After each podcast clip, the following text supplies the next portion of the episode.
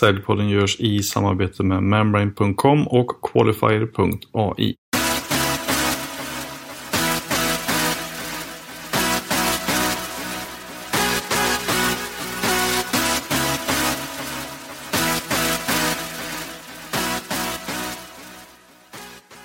Idag har jag med mig Sveriges kanske mest välmeriterade och välkända kvinna inom säljutveckling, nämligen författaren, föreläsaren och utbildaren Ulla-Lisa Thordén. Och genom sina bästsäljande böcker och med sina insatser för både säljare som vill bli bättre, de som inte vill sälja eller ens vet om att de borde sälja, så har hon gett tusentals säljare och personer i mellanmänskliga positioner råg i ryggen och en trygghet i att skapa försäljning i möten med andra människor. Och hur det går till att få de som inte vill vara säljare att gilla försäljning tänkte jag vi skulle prata lite mer om idag. Så välkommen till Säljpodden Lisa. Tack så mycket. Jättekul att vara här. Det är underbart att vi får till det här. Ja. För du, nu är det så, du har ju liksom utbildat människor inom försäljning i snart 40 års tid. ja. Vad, vad är det som gör det så roligt med, med sälj? Vad ledde in på det från början? Jo, därför att det är en så tydlig utveckling när man lär sig att umgås med andra människor. När man lär sig att kommunicera, lyssna, söka lösningar, skapa möjligheter. Det är det mest spännande som finns, tycker jag. Och eh, jag har nog fångats av det också därför att man kan bygga hela verksamheter kring det, att skapa kunder. Och då kan det både vara internt och externt. Så jag tänder på utveckling. Jag tänder på att se att människor vågar göra och att de lyckas. Alltså se ljuset tändas hos någon som känner att det funkar. Alltså det är världens kick för mig. Mm. Och därför har jag nog fortsatt med detta under alla de här åren. Mer eller mindre i olika positioner eller funktioner. Jag har ju jobbat med att driva verksamheter själv och varit chef. Och det roligaste med det har varit att tända människorna att tycka att det är lika kul att driva den här verksamheten som jag själv tycker. Mm. Så eh, det är väl ett eh, så nära svar jag kan komma i verkligheten som möjligt. Men du, hur är du själv som säljare då? Så här efter 40 år snart. Du, eh, säg så här. ehm, låt mig jämföra med en, eh, någon som spelar golf. De blir lite slarviga med tiden. Jag kan väl säga att eh, om jag kopplar på så kan jag komma väldigt, väldigt långt med det jag vill. Tror på, vill och att det ska lyckas och bli bra. Men ehm, jag skulle egentligen vilja ha någon annan som svarade på den frågan. Den var så spännande. Eh, hur är jag som säljare? Hmm. Jag behöver nog fundera på det. Men väldigt många människor säger att jag har sålt säljandet till dem. Och då har jag väl kanske lyckats med att vara säljare själv. Ja. Tända dem på hantverket, attityden och att man kan skapa resultat om man vågar kontakta andra människor och öppna för ett gott samtal. Ja. Men Mm. hur, hur tycker du att din bild av säljare har ändrats genom åren då?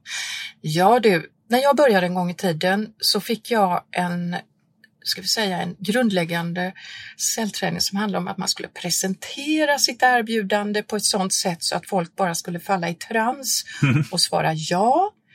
Och eh, det handlar om att göra många möten, boka besök, vara ute som en galen iller på marknaden. Så jag uppfostrad med 20 bokade möten per vecka som man då skulle boka via telefon. Jag började på ett stort managementföretag efter min jur. kand.-examen och eh, där hade vi säljträning varje dag i stort sett. Mhm.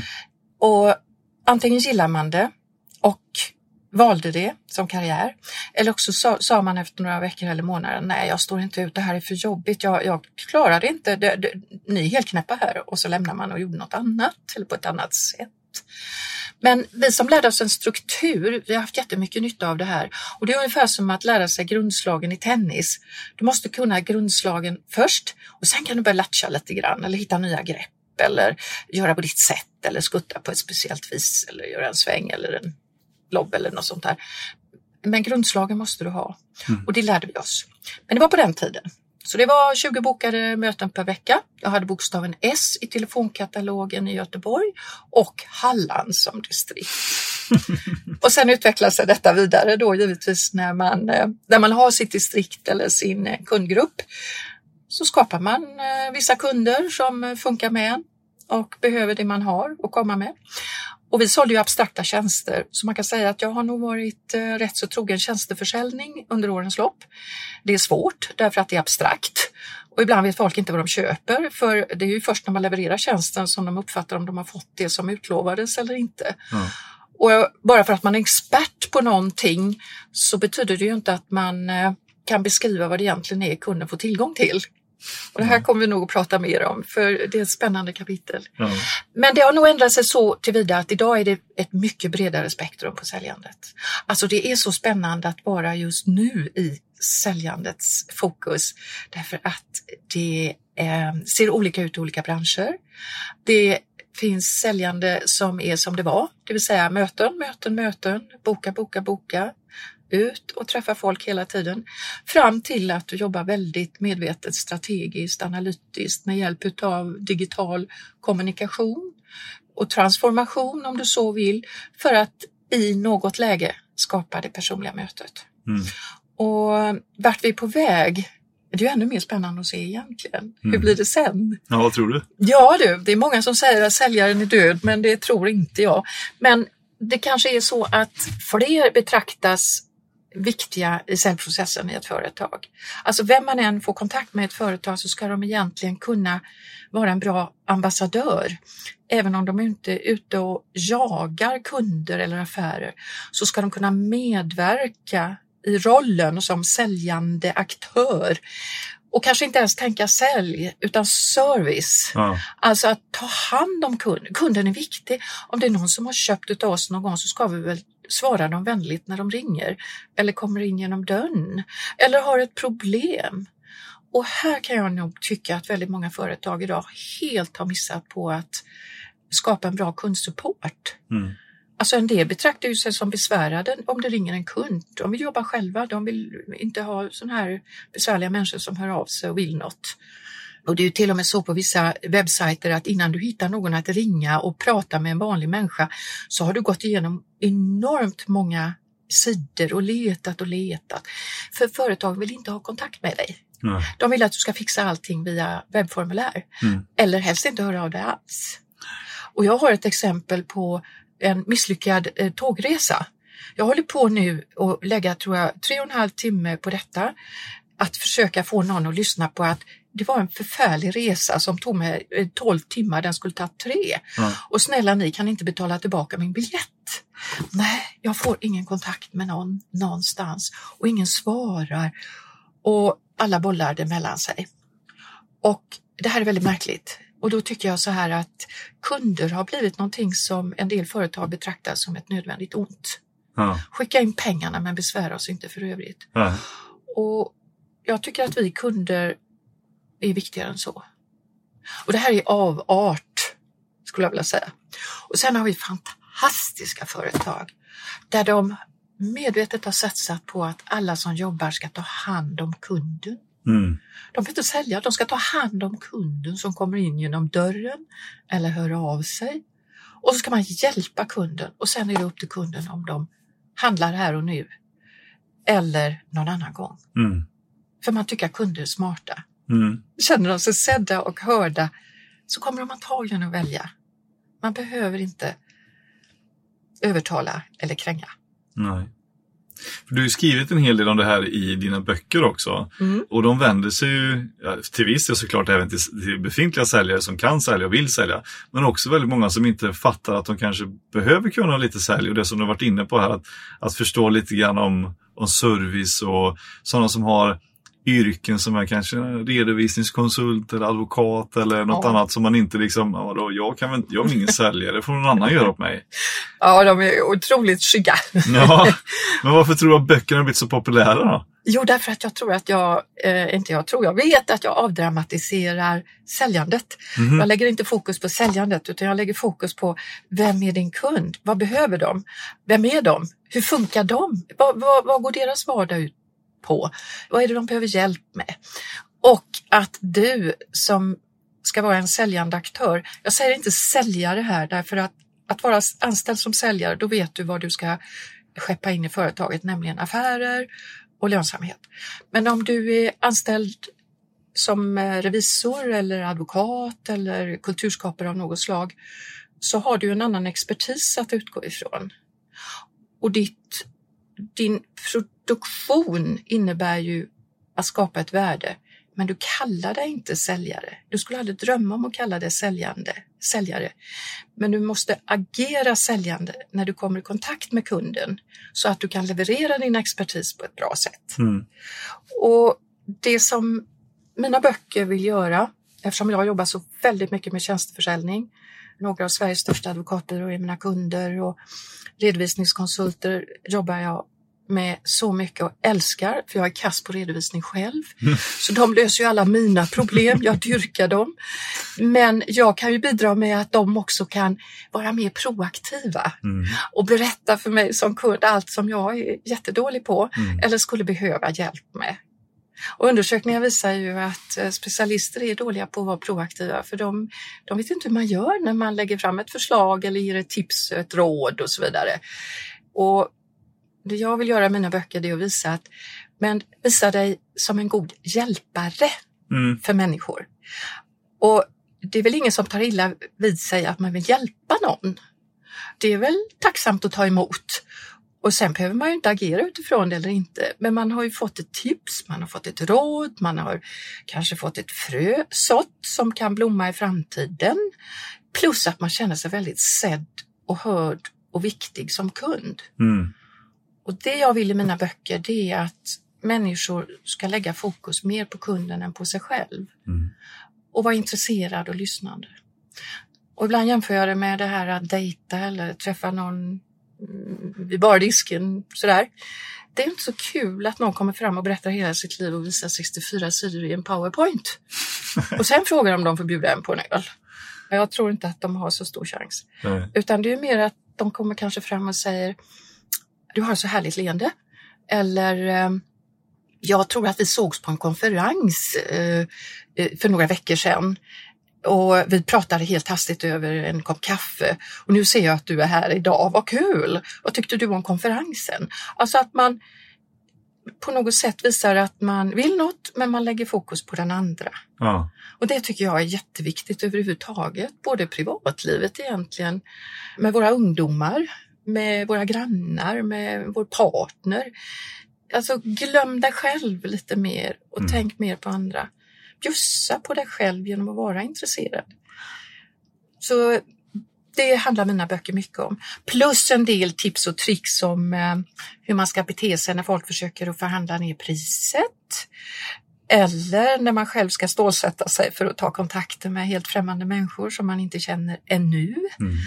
Så att det är en blandning utav attityd och teknik och metodik och lite om processen sälj. Just det.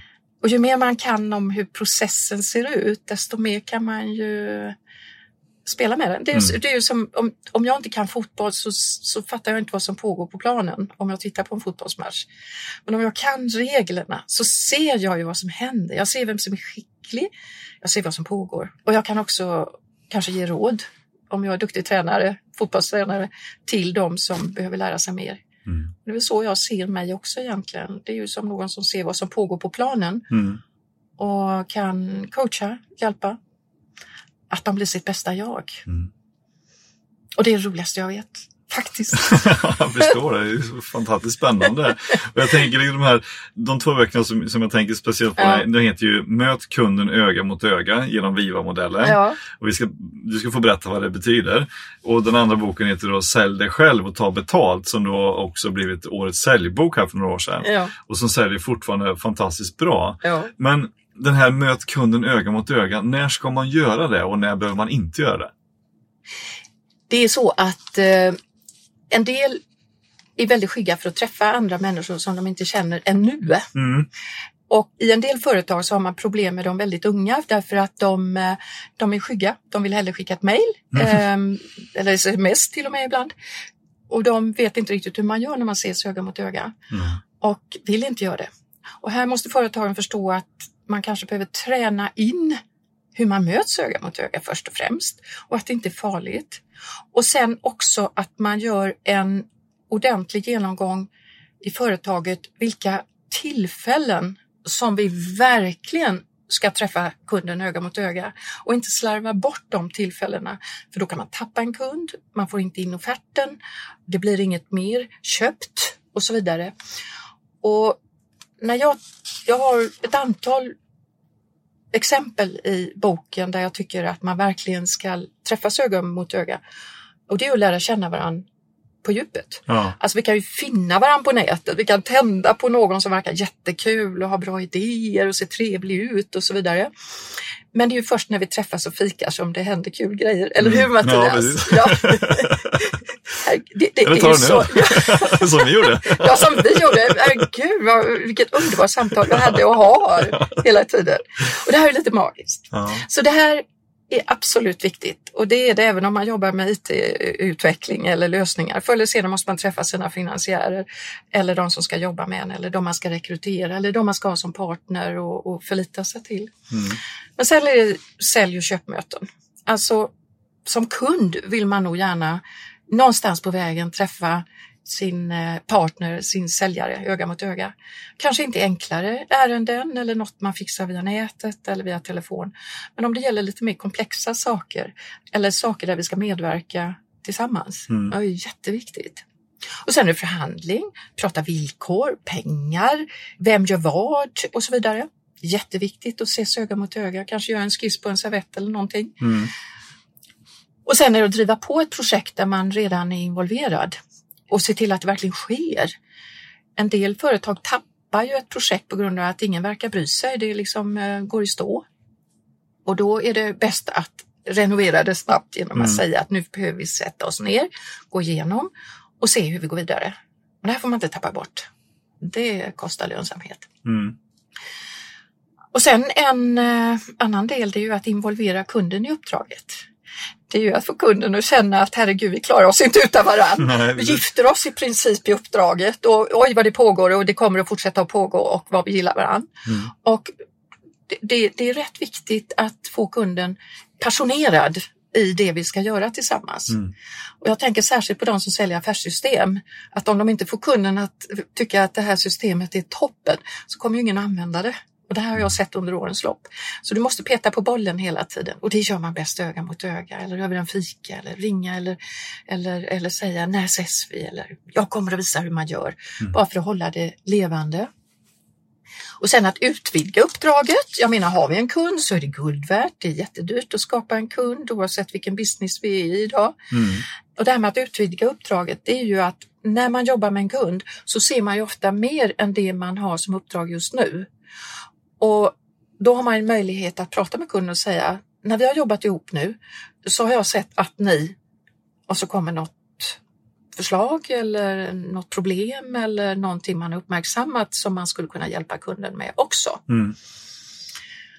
Och sen är det en annan del och det är frågeställningar och problem. Så fort du känner att det börjar lukta konstigt i ett projekt eller du känner att hoppsan, jag har inte fått de uppgifterna jag skulle, vad händer? Någon har gått i väggen i kundföretaget och så vidare. Ta tag i det, Mm. hitta någon annan, gör det öga mot öga och få in dem i uppdraget fort som katten. Så allting som handlar om problem ska vädras direkt öga mot öga. Mm. Och är det så att någon hör av sig och säger vi ser inte någon anledning att fortsätta jobba med er, vi är väldigt besvikna. Pang, åk dit nu. Du behöver inte ta på dig kavajen, åk dit. Mm. Sätt dig ner med dem och säg jag är förtvivlad, vad har hänt? Berätta. Mm. Och då är det kunden som ska berätta. Och deras känslor är det viktiga, inte ens fakta. Nej. Det här är jätteviktigt. Och en annan grej det är ju reklamationer och strul. Alltså när det verkligen inte funkar. Eller någon i ditt företag eller någon kollega till dig har gjort någonting som faktiskt blev jättegalet Mm. och du upptäcker det. Hör av dig direkt. Mm. Vik dig. Lägg dig som en vovve på rygg och vifta med alla tassarna och säg Gud vad vi har gjort bort oss. Hur kan vi rädda detta? Mm. Och en felhanterad reklamation, det är det snabbaste sättet att bli av med en kund. Mm. Och de är så kränkta så att de glömmer det aldrig. Aldrig. Det är jättesvårt att rädda. Ja. Men om du gör det öga mot öga och är proaktiv så blir reklamationen reklam, alltså halva ordet. Och då kan de känna att de är väldigt viktiga och betydelsefulla och då kan de bli superlojala istället. Så öga mot öga är lite magiskt. Ja, och sen handlar det om avrapportering och eh, uppföljning. sluta ett projekt tillsammans, knyta ihop processen, be att få en uppföljning, vad de tyckte, hur de uppfattade, om de skulle kunna rekommendera det till någon annan. Icke minst viktigt. Ja, Och det gör man öga mot öga just det. så att kunden känner att de har blivit väl hanterade. Och eh, det kan också vara om du själv vill avsluta ett uppdrag eller ett samarbete. Ja, Du kan ju känna att den här kunden, det leder inte så gärna vidare. Jag känner att jag har gjort det jag kan. Eller, nej, de är så tröga att jobba med. Jag kan inte jobba med dem och göra mitt bästa om inte de gör sin del. Så jag vill faktiskt säga upp samarbetet. Öga mot öga, alltid. Jämte slut på Alltid. sms alltså. Ja, inte, nej, inget slut per sms. Nej, det, det är verkligen inte. Det är väldigt osexigt även i affärer. Så nej, nej, nej. Och det är faktiskt så här att ibland har man gjort färdigt någonting med kund. Det är klart. Och då ska man verkligen inte sälja vidare utan då, då, då, då ska man liksom säga tack och ni vet var jag bor. Mm. Och ibland så kan man känna att eh, en kund inte vill ju betala det man själv måste ta ut för att göra ett kvalificerat jobb. Mm. Och då ska man, eh, tycker jag, avsluta ett samarbete på ett trevligt och bra sätt och säga att jag tror att eh, det finns någon annan som kanske kan hjälpa dig bättre än jag just nu. Och jag har några förslag. Och så gör man det snyggt. Och sen också det här med sponsorskap. Alltså man ska få någon att sponsra en podd till exempel. Ja, Ja, det är ju bra att göra öga mot öga också. Eller ett eh, föreningsliv eller en arena eller något liknande. Jag tror att det är rätt viktigt att man lär känna varandra och att den som eh, man vill ha som sponsor känner sig involverad i någonting som är lite större än själva pengen och att de får ut någonting av det. Och det gör man bäst öga mot öga. Mm. För sponsorer är ju människor Mm. och de är olika har olika motivation. Just det. Men du, du har ju en, en del i det här som du också kallar då för Viva-modellen som man Ja. ska applicera i det här med öga mot öga-mötet. Vad, Ja. vad, vad är det för någonting? Ja, det står ju för leva egentligen och det är ett väldigt härligt uttryck. Och jag tog fram det när jag försökte fundera på varför jag tycker det är så roligt att gå in i en grupp med människor som jag inte känner. Ja, Och rätt snabbt får igång ett bra snack. Så jag tänkte, vad är det jag gör egentligen? Och så kom jag på att jo, när jag träffar nya människor eller en grupp människor, då är jag alltid väldigt välvilligt inställd. Mhm. Jag är öppen för vad som kommer att ske. Jag har inga förutfattade meningar. Jag utgår från att alla är okej tills de har bevisat motsatsen. Och det där med välvilja, det kan man visa även om man går in i en konflikt. Eller om man ska träffa någon som man kanske vet är motståndare på något sätt eller inte tycker som man själv. Men om du är välvilligt inställd så har du en öppen attityd som eh, människor kan uppfatta att du är där för att pratas vid, du är där för att lyssna, du är där för att du vill någonting som ska vara bra. Och det uppfattar människor. Motsatsen är ovilja. Mm. Och det märker människor väldigt snabbt också om någon kommer in i ett rum och är är ovillig att vara där på något sätt. Så när jag kommer in i ett rum så visar jag väldigt tydligt att jag är glad att vara här. Vad kul det ska bli. Och jag tror människor uppfattar det och känner den välviljan. Och det är inte alltid samma som att vara vänlig, för vänlig är ju mer att man, man, ja, man kan kramas och le och man kan liksom säga något gulligt, ta med sig en present och liksom wow, man är bara så på. Mm. Men välvilligt inställd kan man vara även när man träffar någon som är en antagonist av något slag. Gud förbjude att man har sådana. Men säg att det är en konflikt Mm. eh, i alla fall. Du kan vara välvilligt inställd till att det kommer att bli ett bra avslut på det samtal man ska ha. Eller att man kommer till en lösning som gör att alla ändå är rätt så nöjda och konflikten är bilagd. Och det tycker jag det här med välvilja visar. Just det. Mm. Och det är det första, det är Det är viet i. det är första vet ja. Ja. Och sen i det intresserad, Ja. att man visar intresse för andra människor på riktigt. Mm. Och det gör man ju genom att kanske ställa frågor, vettiga frågor, förberedda frågor där man har på något sätt tagit reda på vem man ska träffa. Träffar man dem utan att veta vem det är så kan man också vara intresserad. Och man behöver inte bli superprivat direkt, men man kan vara intresserad av här och nu. Mm. Och om man är intresserad, då blir det ofta en bra interaktion också i. Mm. Och blir det en bra interaktion så blir den andra intresserad av dig. Så det kreerar intresse. Intresse kreerar intresse. Utom med ett fåtal människor som är så inne i sig själv så de märker inte att de sitter och pratar med sig själv eller någon annan i där i rummet. Och, de har vi mött alla. ja, och de är otroligt svåra som kunder. Ja. Och de funkar inte särskilt bra som säljare. Men de kan vinna på att de eh, är underbara människor som folk lär känna med tiden och upptäcker är jättegoda. Men det tar tid. Ja. Ja. Och sen har du nästa V och det är varm. Ja. Mm. Och värme visar man genom kroppsspråk. Det är ögonkontakt. Titta på den du pratar med eller lyssnar med. Ett gott handslag som känns att det är varmt och fast och härligt. Inga sådana här döda makrillar utan, Nej. utan att det faktiskt är, det, det är någon att lita på. Det är en fasthet i det hela. Och det här är svårt i eh, vissa samhällen där man inte tar i hand. Så du, du, liksom, du vet inte riktigt hur du står till varandra. Nej, nej, Ja. precis. Och det kan ju kreera politiska kriser till och med att man inte tar i hand. Men man måste veta vilket samhälle man är i, vilket sammanhang. Så då kan man förhålla sig till det. Men Ja. värme har mycket att göra med ögonkontakt, leende och förstå den situation där man är beroende på var i världen man är. Så värme kan visas på olika sätt. Och i Sverige är det nog mycket ögonkontakt och gott handslag eller en varm kram till och med när man känner att man har en relation som man på något sätt har öppnat upp för. Mm.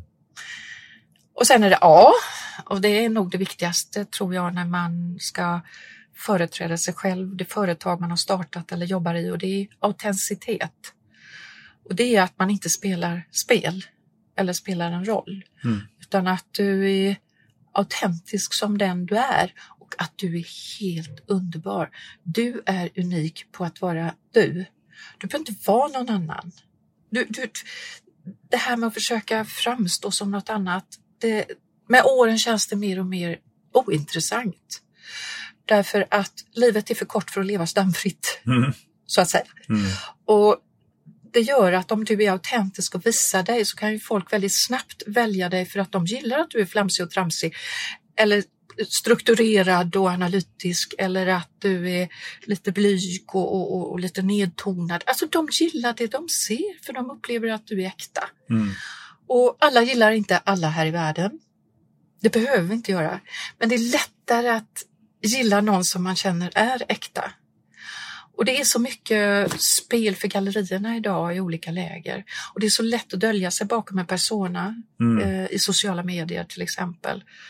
Att man ibland kan bli rätt förvirrad när man träffar någon och man säger men det här är ju inte samma person. Mm. Herregud, vem, vem är detta? Och det väcker inte tillit.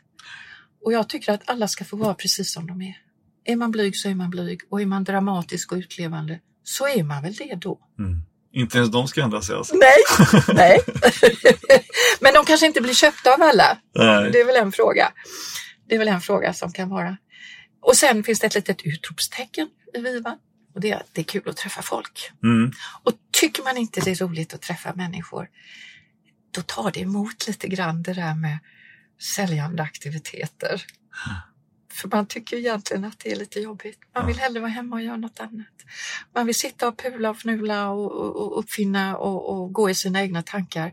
Och jag skulle säga att det är helt okej. Det är helt okej. Alla ska inte vara där ute och yra runt eller känna att de måste. Du måste inte sälja. Det är väl ett bra budord. Ja. Men du måste Eh, leva. Men du måste leva!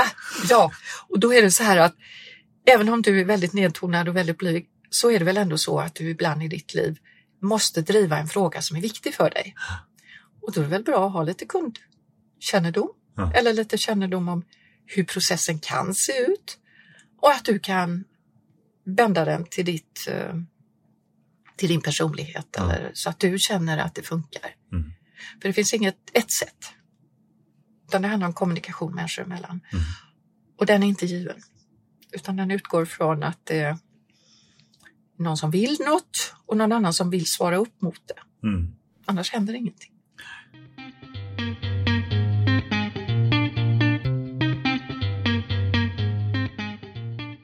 Säljpodden görs i samarbete med CRM och Sales Enablement-bolaget Membrane. Och Membrane är ju uppstickaren som utmanar de stora CRM-bolagen med sitt säljstöd som fokuserar på att driva beteenden istället för att bara logga information. Och för att kunna sälja i en modern värld så innebär det att du behöver ha ett modernt CRM-system Så varför inte välja ett system som vunnit massa utmärkelser? Till exempel bästa CRM tre gånger i rad, Top Sales Tour fem år i rad och bästa Sales Enablement-teknologin de sista tre åren. För jag tänker så här att se till att ditt team får de nödvändiga verktyg som de behöver för att öka säljeffektiviteten och nå sina säljmål. Och då tycker jag du ska göra det genom att gå in på membrane.com och klicka på knappen Book a Demo. Säljpodden görs också tillsammans med vår nya samarbetspartner, prospekteringsföretaget Qualifier.ai. Det vanligaste problemet som många säljare har är ju att vi inte har nog med bra leads i vår pipeline. Och då känns det ju bra att Säljpodden är partner med ett företag som löser just det, nämligen Qualifier.ai. Och Det finns ju många prospekteringsverktyg där ute, men det Qualifier gör är att de verkligen gör hela prospekteringsarbetet. Det vill säga, de inte bara hittar rätt prospects att kontakta, utan kontaktar dem också automatiskt via e-mail. Och Det resulterar i att säljare kan använda Qualifier för att få en extra boost av leads direkt skickade till sin inkorg utan att behöva lägga massa extra tid i datorn själva. Istället kan du lägga mer tid på det som du är bäst på. Så om du vill att dina säljare på ert business to business-företag också ska få flera bra leads att jobba med så rekommenderar jag starkt att ni går in på qualifier.ai och bokar en demo. Din andra bok då, som har blivit årets säljbok, då, Sälj dig själv och ta Ja. betalt. De som såg mig läsa den första gången tänkte nog, undrar vad det där handlar om. Ja. Men eh, de har inte läst eh, underrubrikerna där. Nej, precis. Nej, det handlar ju om säljskygghet.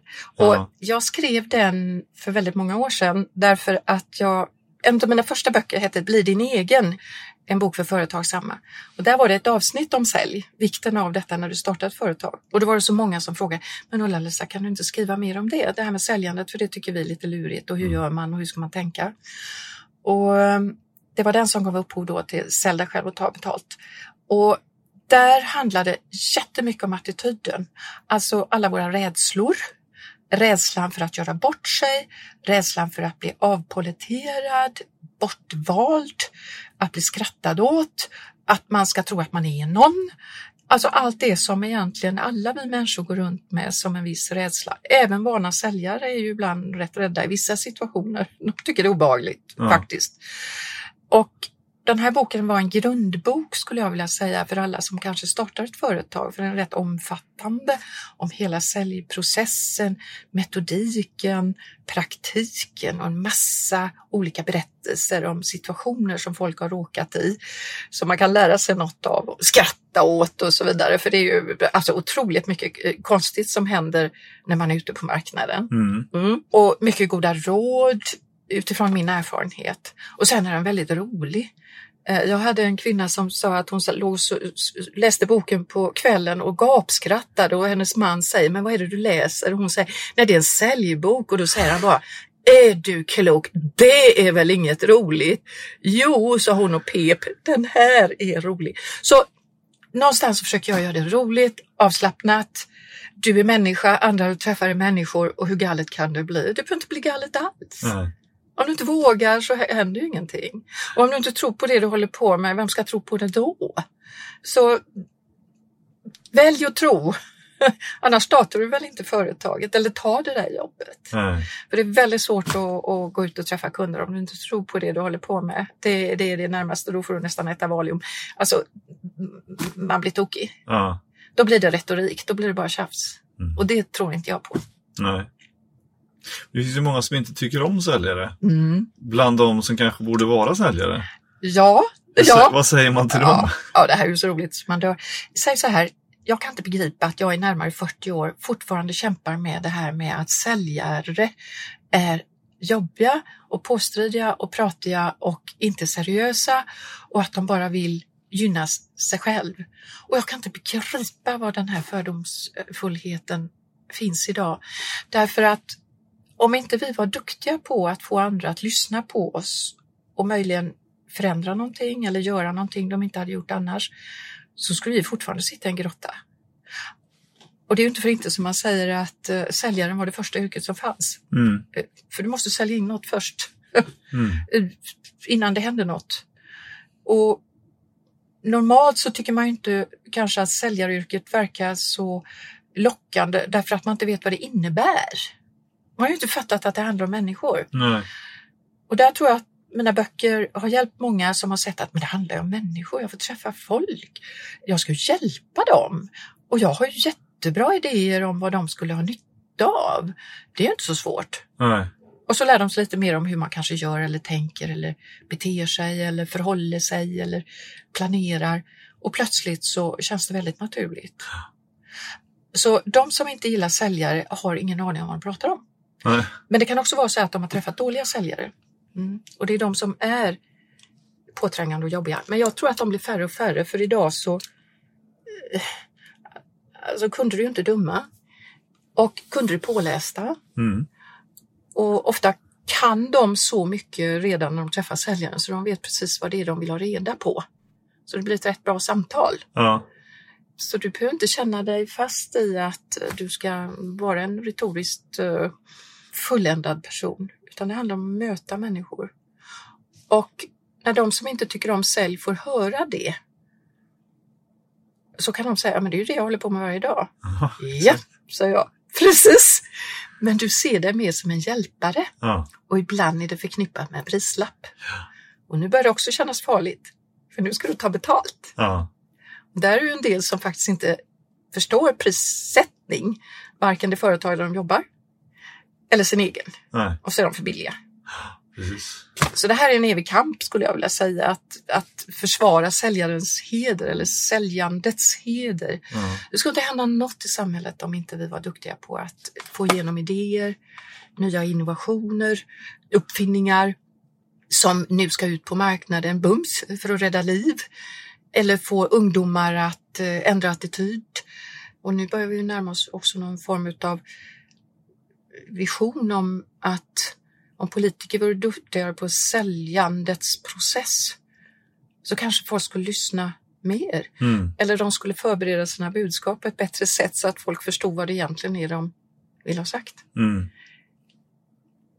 Men säljande är ju ofta förknippat med en prislapp, Mm. alltså affärer. Men lika fullt är det ju som, som du säger att alla är säljare på ett eller annat sätt Ja. i, internt. Och Ja. Allt från den som sitter i receptionen till den som faktiskt är ute på fältet till den som tar fram produkterna och i produktion och sådär. Eh, Jag hade en diskussion med, med min bror en gång och sa just det, men du är ju också säljare för han sitter med i ledningsgruppen Ja. som facklig representant för, för arbetarna på hans Ja. företag, eller fabrik. Han bara, nej det är jag inte. Jag kan aldrig få mig att säga att jag är en säljare. Nej. Men hur ska ja. du få in, eh, Ja. du tar ju med idéerna upp Ja. in i styrelsen och sen tar du med styrelseidéerna ner till, på golvet. På ett eller annat sätt så ska du förmedla det här på ett bra eller dåligt sätt. Och beroende på hur du eh, liksom tar med det upp eller ner så blir du lyssnad på. Och han ser det så? Eller har du lyckats Nej, övertyga han, honom? han, nej, men vi har alltid olika syn på allting. Så att, Ja, men det är i och för sig bra. Då håller man sig alert. ja, exakt. Det är bra. Det är bra. Men jag, jag inser precis vad du säger, för det är ju så här väldigt många människor eh, reagerar Mm. faktiskt. Men det är det här med prislapp. Mm.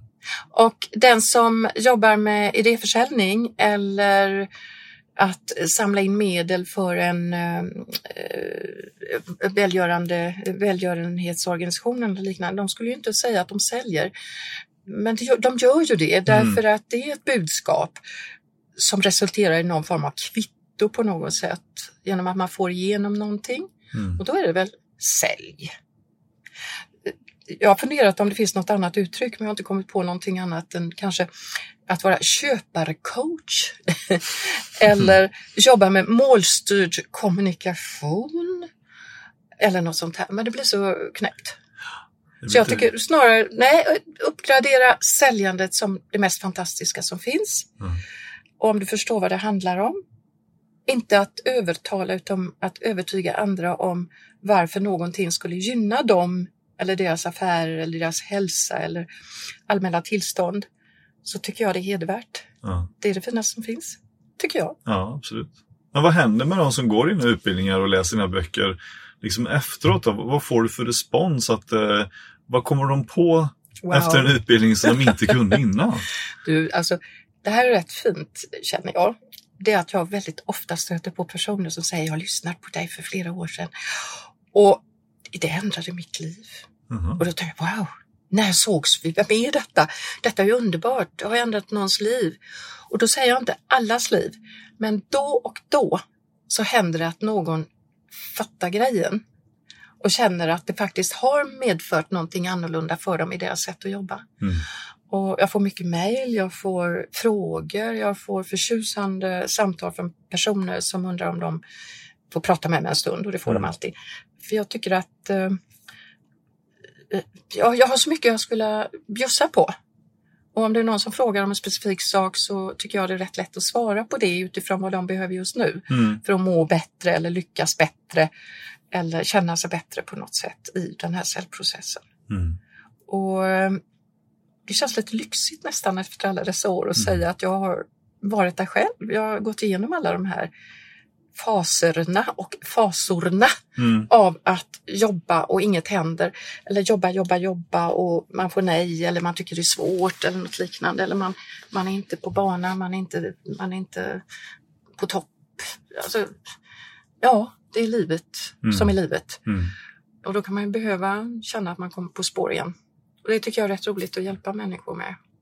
Men upplever de att de har helt plötsligt börjat fatta grejen med Mm. sälj eh, efter detta? Och, Ja. och vad var de inte fattade i sådana fall innan? ja, det var precis det vi pratade om, att säljare är jobbiga och ja. att de skulle bara vilja prata och prata om kull och att de bara vill eh, vinna på det själv och så vidare. Det är den fördomen som vi lägger åt sidan och tar död på helt och hållet. Mm. Och så vänder vi istället mot hjälp.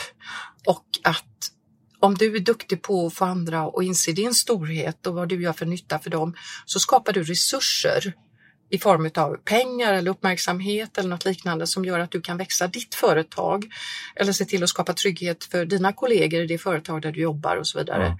Och då blir det ändamålsenligt. Och det de förstår det är att det är ändamålsenligt. Och att de medverkar i det här och att de kan lära sig det och att de förstår processen och att det inte finns något facit och att det är helt okej och att det inte är farligt utan det handlar om människor som träffas. Gärna öga mot öga Mm, förstås, Ja. min käpphäst. Så avdramatisera det hela. Mm. Få det kännas roligt. Att man är nyfiken på alla möten eller kontakter. Att man vivar jobbet. Antingen det är mejl eller sms eller möten öga mot öga. Så att, säga. att det är viva, att det, det, det ska vara en öppenhet inför möjligheter som man står inför. Men man får inte tappa fokus att om man har ett säljjobb så ska man skapa affärer. Alltså det får man inte tappa Mm, fokus mm. på. Och då finns det rätt givna regler för hur man ska jobba beroende på den strategi som företaget har. Det som är arbetsamt är när företaget inte har en strategi eller säljarna betraktas som någon slags självstyrande grupp där de får göra lite som de vill. Och det finns ingen strategi i botten som de kan hålla sig till. Och det finns faktiskt företag som är rätt förvirrade i dagens läge för de vet inte hur de ska förhålla sig till den här omvandlingen som pågår. Mm, mm. Och jag menar, tittar man på en del branscher så ja, kommer det ens att finnas bilsäljare i framtiden till exempel? Tveksamt. Nej, du får ju plocka ihop din bil ändå Eh, på nätet så du kan lika gärna beställa hem den. Ja, precis. Ja, precis. precis. Ja. Så var kommer säljarna att finnas? Ja. Ja, Där man minst- anar kanske. ja precis. Och det betyder att helt nya yrkesgrupper blir involverade i säljsamtalet eller kontakten, kommunikationen Mm. med kunderna. Och det gör att det kommer antagligen att bli en omvandling framöver. Och de jag tror kommer att verkligen finnas mycket av, det är de som jobbar med superspecifika lösningar. Där man måste samverka och samordna en lösning med kundens interaktion. Mm. Alltså vi blir partners och det handlar inte om köp och sälj utan det är någon slags partnerskap där vi båda jobbar mot samma mål. Och det är service. Mm. Det vill säga alla som överhuvudtaget har någon form av mätpunkt eller en träffpunkt med en tänkbar kund. Att de måste förstå att det är en kund jag har att göra med. Mm. Så digital support idag är ju jätteviktigt därför att det är många företag som har valt det som sitt sätt att ha en träffpunkt med kunden. Och alla de är inte utbildade i hur man skriver ett vettigt mejl eller svarar en kund som är förtvivlad. Alltså sådana knäppa exempel det finns. Nej, det, det blir alltså i och med att takten går, eller tekniken utvecklas och takten går fort så är det ju också så att man, man förväntar sig om, om man inte har support någon annanstans utan bara har det i en chatt. Då förväntar man sig att den chatten liksom levererar pronto Ja, och inte Ja. liksom svarar imorgon nej precis. när man sitter med problemet framför sig. Ja. Nej.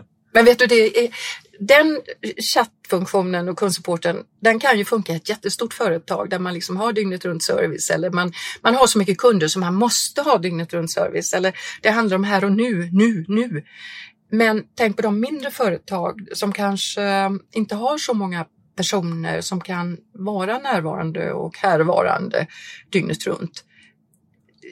Där är det rätt viktigt hur man funderar på hur man ska ta hand om sina kunder faktiskt. Mm.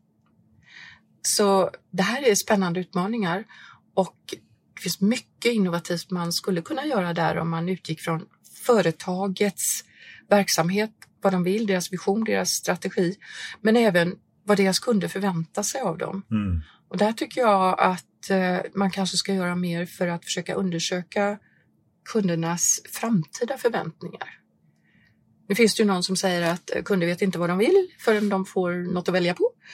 Men eh, alltså, för att kunna utveckla ett företag idag så måste du vara rätt långt framme i tänket och så börja agera nu för att försöka möta upp det som händer. Så att du inte blir eh, ja, överspelad helt enkelt. Mm. Det måste vara lite omvärldsanalytiskt eh, ja, lagd som ja, bolag oavsett vilken bransch man är Ja, mer än någonsin egentligen. Mm. Och jag kan ju känna att vissa branscher är väldigt väl framme här medan andra fortfarande jobbar som de alltid har gjort. Mm. Och jag är ju överallt så ibland blir jag ju förvånad över hur, ska vi säga, gammaldags några jobbar. Men deras kunder i sin tur är gammaldags fortfarande. Mm. Och då måste man ju vara där. Mm. Och då ska man vara duktig på det. Och de som är långt framme ska vara duktiga på det. Så som säljcoach, säljtränare, så lever jag i den bästa av tider. Supermycket erfarenhet bakåt och nu får jag testa olika idéer på olika sätt. Ja. Det är så kul! Och jag får träna väldigt blyga ungdomar som inte tycker om att träffa folk eller kunder utan veta vad man gör. Det är roligt. Och entreprenörer. Ja. Wow! Riktigt kul. Hur lär du de uh, ungdomarna att uh, bete sig som folk när man träffar folk? det är egentligen genom att lyfta in sig i deras verklighet. Ja. Men också försöka lyfta in dem i ett uh, tänkbart företags verklighet. Ja. Alltså mycket, låta dem bygga scenarier eller diskutera någonting. Så här, tänker följande och så målar man en situation och så får de liksom komma med idéer. Hur ska vi lösa detta då? Mm. Och till slut kommer de fram till, ja vi kanske ska åka ut till kunden. Mm. Yes, säger jag. Det kanske vi ska göra. Mm. Inte bara kanske vi ska göra det. Och det är ju egentligen att de får resonera sig fram till olika sätt att lösa en situation. Och det är rätt så verksamt. Ja. Och sen behöver de lära sig hur man gör när man ska boka ett möte eller när man skriver ett mejl där man vill presentera någonting för att sen ringa. Ja. Och det handlar om att fundera mer på vem kunden är än vem man själv är. Ja. Och det finns ju ett spännande begrepp nu. Du pratade med Robert Blom nu ja. eh, senast, Why They Buy. Ja. Och vi håller på att tänka ut jättespännande grejer nu och jag bara säger äntligen kommer det här med kunden i fokus.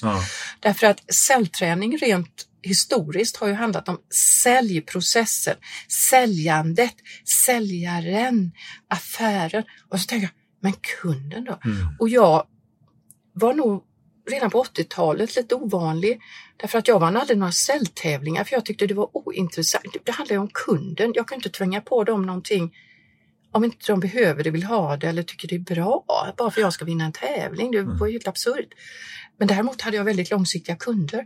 Jag har personer idag som jag fortfarande har kontakt med som jag hade som kunder på 80-talet. Ja, ja, det är otroligt. Det tycker jag är rätt, det, det är långsiktigt. Ja, det är verkligen.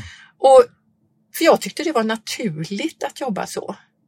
Så det försöker jag väl idag att ändå bidra med att långsiktighet i relation har du nytta av. Mm.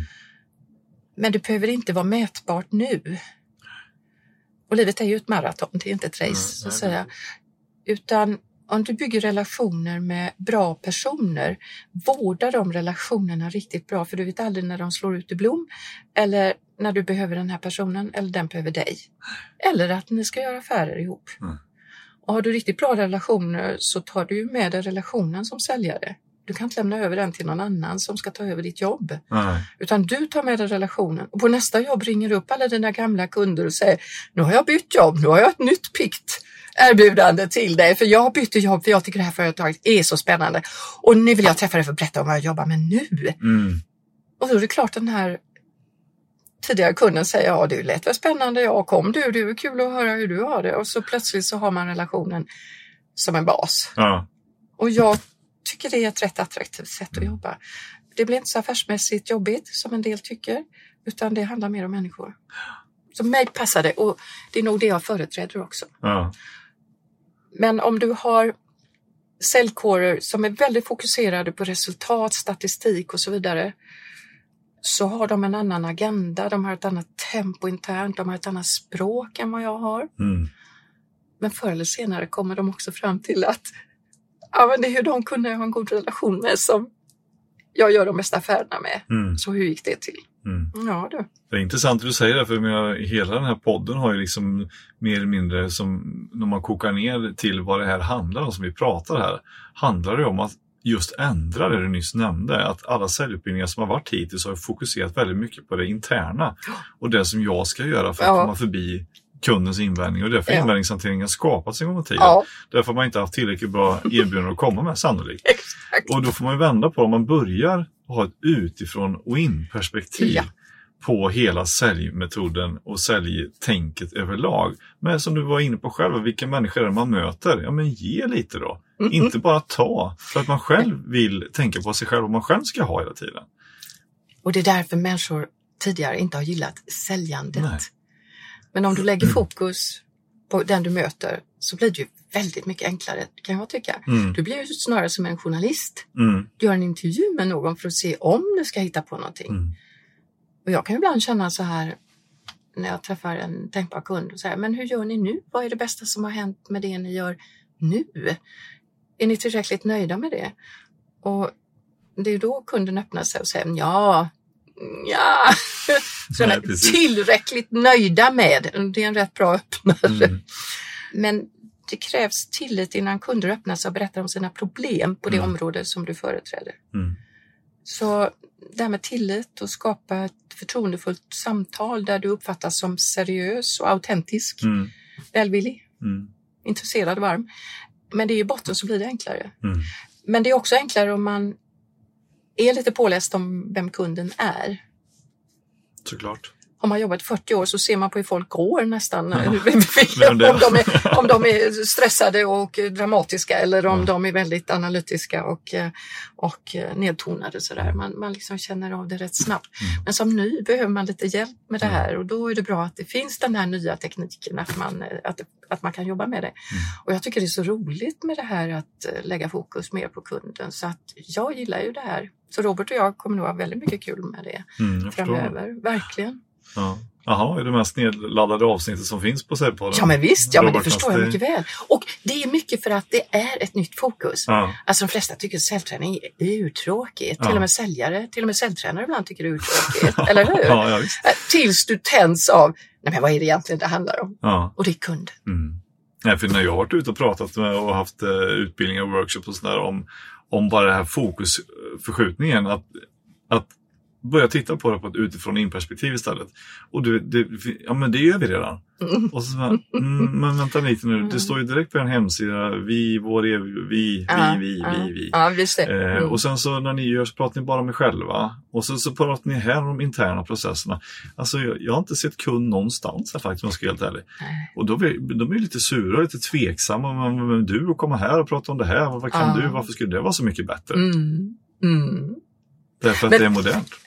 Ja, ja, det är ungefär som kunden i centrum. Jag menar, ja. alltså det, det måste följas av handling. Mm. Och när man då skärskådar hur folk gör. Jag menar, det är ungefär som prästen som säger det går an att ropa halleluja, men hur gör man det? Mm. Och jag kan tycka det är samma med, med det här med kundfokus. Ja, vad innebär det för er då? Och de flesta har svårt att förklara vad det innebär. Och som du säger, man, eh, jag får ju själv tänka på min egen webbsajt, detta lilla bortglömda fenomen. Uh, visst är det skomakarens barn? Mm. Oj. Men när jag träffar någon så blir jag så nyfiken på vem det är jag har framför mig. Mm. Jag vill verkligen veta. Mm. Och jag utgår från att varje människa har en rätt tung ryggsäck som är packad med bra saker och dåliga saker och sorgliga saker och kul saker och allt vad du vill. Och jag är så nyfiken på vad det är. Mm. Och det gör att jag hyser en väldigt välvillig inställning till att andra människor får vara som de vill. Mm. Men att jag ska vara där på något sätt och försöka förstå eller nyckla upp eller se deras verklighet. För om inte jag ser deras verklighet så, så kan inte jag ta del av den eller hjälpa till på något sätt. Nej. Och det är väl det som säljarna behöver bli bättre på. Det är Mm. att förstå kundens verklighet bättre än de själva förstår eller hinner fundera på. Mm. Vad tycker du är, är att betrakta som en modern säljare? Då? Mm. En modern säljare det är någon som använder de verktyg som faktiskt finns idag för att strukturera sitt säljarbete. Mm. Allt från att eh, finna rätt kunder, runt kundgrupper, personer som man ska jobba med, undersöka vem det är, var man kan göra störst nytta, använda digitala verktyg kanske för att hålla ordning på detta. Mm. Nu har vi i och för sig det här eh, GDPR att ta Mm, hänsyn till mm. så du får, inte, du får liksom inte hantera detta hur som helst längre, Nej. vilket är väldigt förvirrande för en säljkår att förstå hur man ska använda det. Men det handlar också om att en modern säljare idag måste kunna använda sig av sociala medier om det gynnar deras verksamhet Mm. och deras kunder är där. Mm. I annat fall så kanske de inte behöver bry sig så mycket om den delen. Men en del har ju jättenytta av sociala medier idag och andra inte.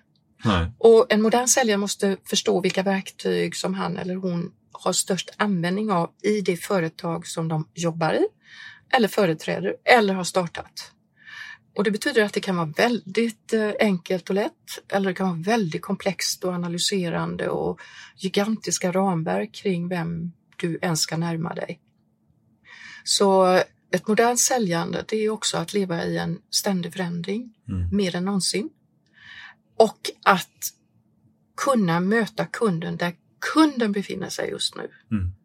Och inte ha några förutfattade meningar om det utan verkligen vara intresserad av hur man kan hjälpa och stödja en kund i dennes affärer. Mm. Förr var vi mer koncentrerade på att göra affärer med en kund men idag ska vi vara mer koncentrerade på vilka kunder som kunden har så att vi gynnar kundens affärer. Mm, det är där vi ska vara på något sätt. Mm. Och det innebär att du får vara skärpt, intresserad, nyfiken Mm. och bevaka din omvärld. Alltså utan spaning ingen aning. Nej, precis. Det räcker inte. Nej. Hur botar man säljskygghet då i den moderna säljvärlden?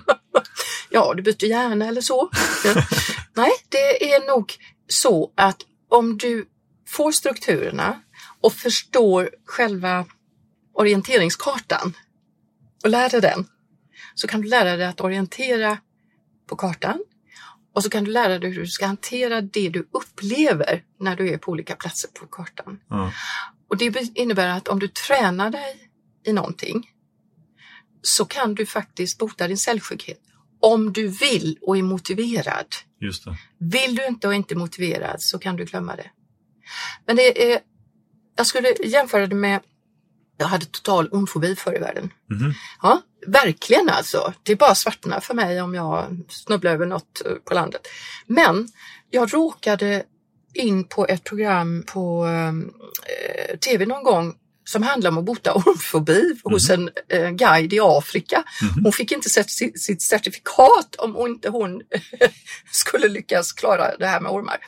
Och då satt jag och följde hela det här programmet och sen var jag botad. Mhm. Det var märkligt. Mm. Och det var precis att förklara vad det är som händer i hjärnan.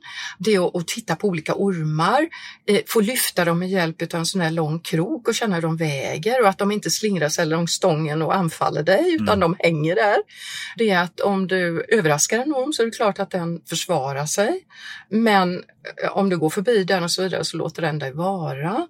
Mycket sånt här ormkunskap rent ut sagt. Så om vi lyfter in det här på säljlandskapet så säger det att om du, om du får lära dig kartan så kan du hantera dina känslor när du är på olika ställen i det. Antingen det handlar om att säga hej till någon på ett mingel eller en konferens eller en, en fest eller något liknande. Eller att närma dig någon som du skulle vilja träffa som finns på din önskelista och säga hej, jag heter och jag skulle så gärna vilja prata med dig. Eh, fram till att eh, faktiskt titta kunden i ögonen och säga nu har vi pratat väldigt mycket om det här. ska vi köra? Mm. Utan att svimma. Mm. Och det är att lära sig kartan. Och det är det jag jobbar jättemycket med, att få människor att lära sig kartan helt Mm. enkelt. Och så uppleva det och träna det lite och så skicka ut dem och så får de komma hem och berätta hur det gick. Mm. Det vill säga, nu kan du träffa små ormar utan att svimma. Nu går vi över till lite större ormar och slutligen kan du titta dem i ögonen. Mm. Och kanske till och med ha dem runt halsen om det inte är giftormar. Så att det är en fråga egentligen om att hantera cellskyddet. Först erkänna att man har det och sen jobba med den. Och det är möjligt. Det är möjligt, absolut. Men det finns fortfarande människor som inte kommer att tycka det är så roligt. Mm. Helt okej. Mm. Jag har aldrig spelat golf. Till exempel. Du respekterar golfare för det. Jajamän. Bara jag inte får någon till bordet på en tre timmars middag. Dessutom bara Ja. prata om sig själv. Ja du. Ja. Men det handlar, alltså sist och slutligen så kommer man fram till det där om man vill eller inte. Mm. Och jag har ju sett personer som vill driva ett företag, vill utveckla någonting och de måste ta tjuren vid hornen och gå ut och träffa kunderna. Mm. Efter ett tag tänker de inte på det utan det går jättebra. Mm. Och efteråt så förstår de inte vad det var de var så osäkra inför. Nej. För de har liksom varit där ute. Mm. Det har funkat. Några blir jättebra på det. Andra blir sådär. Mm. Vi tänkte vi skulle ta några av de, eller de här på slutet här, de sju dödssynderna också då, som man verkligen ska undvika som säljare. Oavsett om man är en etablerad säljare, tänker på att bli det, inte vill vara det, men man ändå behöver undvika. Och hur skulle, vad skulle du säga är de typiska sju dödssynderna som man inte ska göra inom sälj? Ja du, ja det är mina kodord här, eller mina budord. Jo, eh, det första är att man saknar fokus, Mm, mål och drivkraft. Och det hänger ihop. precis. Ja, du kan ju ha ett mål men om du inte har fokus och drivkraft så kommer det inte heller att hända någonting. Och det gäller ju allting egentligen. Ja. Men särskilt i säljandet. Och mål i sälj är ju lätt att ha för du kan ju mäta. Kan mäta omsättning, du kan mäta antal aktiviteter, antal orders, antal lösningar, antal offerter. Du kan mäta allting. Så därför är det rätt lätt att mäta det. ja, exakt. Ja. Men nästa dödssynd, tvåan då, det är att du är dåligt påläst och inte intresserad av kunden. Och idag är det så lätt att vara påläst. Ja. Det är jätteenkelt. Ja. Men om du inte bryr dig om den du har framför dig så hjälper inte det. Nej, För det är personen som är viktigast. tappa i där. Yes. Och trean, det är att du aldrig vågar ta en ny kontakt eller sätta rätt pris. Nej.